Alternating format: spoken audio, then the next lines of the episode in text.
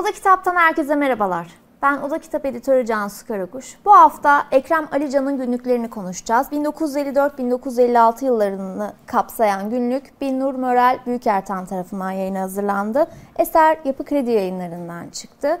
Ve konuğumuz Yayını hazırlayan Binnur Mörel Büyükertan olacak. Binnur Hanım hoş geldiniz. Hoş buldum. Teşekkür ederim. Öncelikle Ekrem Alican'ın günlüklerini yayına hazırladınız. Ekrem Alican Demokrat Parti milletvekilliğini yapan bir isim ve daha sonradan Demokrat Parti'den istifa ederek Hürriyet Partisi'ni kuran bir e, isim, bir siyasetçi. Öncelikle şöyle başlamak istiyorum. Demokrat Parti'den neden ayrıldığını sormak istiyorum öncelikle.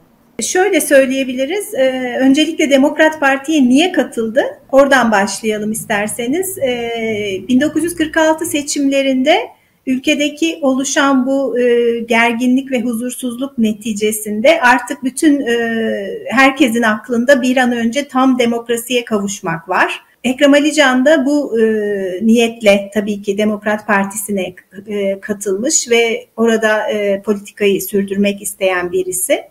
Ancak e, zaman içerisinde e, umduklarını bulamayınca e, bu sürecin sonuna doğru da bir bardağı taşıran son damla diyebileceğimiz ispat hakkı kanunu konusunda da tamamen muhalif olunca bir muhalif kanatla beraber sonunda partiden ayrılıyorlar. Tam bu noktada şunu sormak istiyorum. Adnan Menderes döneminde muhalif olarak nitelendiriliyor Ekrem Alican ve seçimlere de girmediğini görüyoruz Ekrem Alican'ın. Demokrat Parti milletvekili milletvekili olmasına rağmen neden muhalif olarak görülüyor Ekrem Alican? Demokrat Parti'ye katılma niyetleri yani e, tam demokrasiye kavuşmak, madden ve manen kavuşmak. Yani hem ülkeyi refaha kavuştururken bir yandan da insan hakları konusunda da bütün kamu hakları konusunda da tam demokratik bir ülkeye sahip olmak amaçları. E, mesela e, vergi reformu, işte bütün antidemokratik kanunların e, tadilatı gibi, anayasa tadilatı, adli tadilatlar fakat bunlar zaman içerisinde parti programına aykırı olarak Demokrat Parti'de gerçekleşmeyince ve bir süre sonra Adnan Menderes'in tek adam rejimine doğru aynı tam eleştirdikleri gibi aslında bir süre sonra kendileri de aynı şekilde tek adam rejimine doğru gittikleri için e, parti içerisinde muazzam bir e, buna karşı muhalif bir kanat oluşuyor ve sonucunda da zaten ayrılmak e, kaçınılmaz oluyor bu grup için diyebiliriz. Menderes'ten bahsetmişken Menderes'in bu süreçte bir baskısı olduğunu söyleyebilir misiniz? Şöyle ki Adnan Menderes tabii öncelikle çok demokratik görünüp partindeki tüm aykırı sesleri dinleyerek e, bir program e, dahilinde hareket ederken bir süre sonra aslında sadece bu konuda e, kendi sesini dinlemeye ve aykırı seslere karşı kulaklarını tıkamaya ve dolayısıyla baskıcı bir tavır almaya başlıyor. Evet yani tamamen baskıcı bir rejim uyguladığını rahatlıkla söyleyebiliriz. Menderes'ten bahsediyorken Ekrem Alican günlüklerinde Menderes'i nasıl tanımlıyor? Menderes'i önce e, tabii iyi bir politikacı olarak biliyor ve tanıyor ve inanıyor aslında tabii ki partiye girerken ama ondan sonrasında çok eleştiriyor. Yani bütün bu her adımda e, kitabı okurken de e, görüleceği gibi her adımda aldığı her kararda çok ciddi eleştirileri var. Dolayısıyla yıldızları hiçbir zaman aslında barışmıyor diyebiliriz. Menderes'ten başka e, kitapta geçen isimlerden birisi de İsmet İnönü. İsmet İnönü'yü Ekrem Alican e, nasıl tanımlıyor, nasıl anlatıyor kitapta? İsmet İnönü ile e, büyük bir tabii saygı ve sevgi ilişkileri var. Hürmet e, gösteriyor. Eski ve bir yani eski ve saygın bir politikacı olarak onu her zaman ilişkilerinde son derece seviyeli ve saygılı bir ilişkileri var. Diğer isim de Celal Bayar, e, dönemin Cumhurbaşkanı. E, Celal Bayar'ı nasıl anlatıyor Ekrem Alican? Celal Bayar önceleri parti başkanı fakat daha sonra seçimlerden sonra biliyorsunuz Cumhurbaşkanı oluyor ve bir miktar tabii e, şeyin dışında kalıyor. Asıl parti kargaşasının diyebiliriz. Daha çok yurt gezilerinde görüyoruz Celal Bayar'ı. Ekrem Alican'ın Celal Bayar'la ilgili direkt olarak söylediği çok fazla şey kitapta yer almıyor ama onu da aynı bütünün içerisinde, aynı zihniyetin içerisinde olduğu için tabii ki onu, onu da eleştirdiğini söyleyebiliriz. Tekrardan Demokrat Parti dönemine geri dönmek istiyorum. Ekrem Alican e, partiden istifa ediyor. Peki bu e, Ekrem Alican'ı istifaya götüren süreç nasıldı? Nasıl ilerledi? İkinci Menderes hükümetinde e, güven oyu e, alınması sırasında 61 tane kırmızı oy yani red oyu çıkıyor. Bunlardan birisi de Ekrem Alican ve tabii Anna Menderes bu 61 e, oyu veren e, mebusu hiçbir zaman milletvekilini hiçbir zaman affetmiyor aslında. E, kimisini zaman içerisinde tekrar e, partisine kabul etse de diğerlerini neredeyse bir yıldırma siyasetiyle partiden aslında uzaklaştırıyor diyebiliriz. Ve sonucunda da bir grup inanmış insan Hürriyet Partisi'ni kuracak daha sonrasında.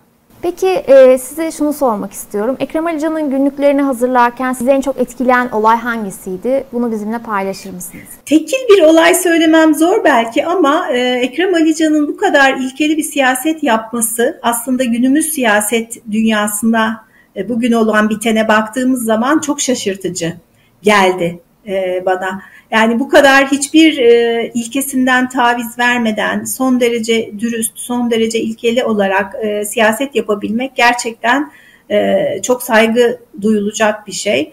Çok ciddi bir örnek aslında bugüne dair de. Okunmasını ve herkes tarafından anlaşılmasını e, çok arzu ettiğim çok çok iyi bir siyasetçi profili diyebiliriz.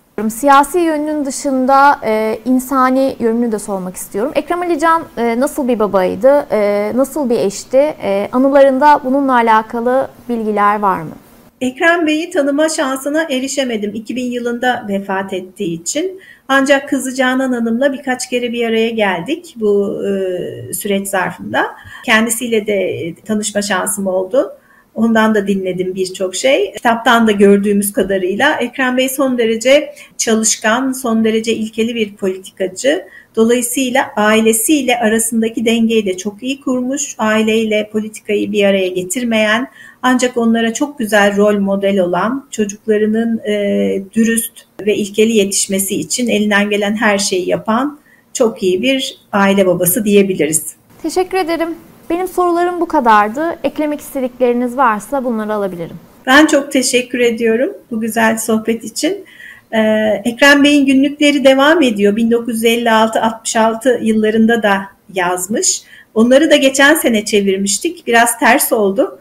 Ee, çünkü bu ilk günlükler daha sonra bulabildik ancak. Ee, sanki sonu önce yayınlanmış gibi oldu ama ben her iki kitabın da e, peş peşe okunmasını tavsiye ediyorum. Bugünümüze çok güzel ışık tutan e, çok iyi bir belge. Ekrem Alican'ın günlükleri 1954-1956 Binnur Mörel Büyükerten tarafından yayın hazırlandı. Eser Yapı Kredi yayınlarından çıktı. Ve konuğumuz yayını hazırlayan Binnur Mörel Büyükerten'di. Binnur Hanım Tekrar teşekkür ederim katıldığınız için. Ben çok teşekkür ediyorum bu güzel sohbet için. Bu hafta bahsetmek istediğim diğer kitaplar şunlar olacak. Kayıp Kitaplar Kütüphanesi'nin diğer iki kitabından bahsetmek istiyorum. Edith Nesbit'in çıkardığı Ejderha kitabı ve Salime Servet Seyfi'nin Bir Hatırayı Pejmür'de isimli eseri.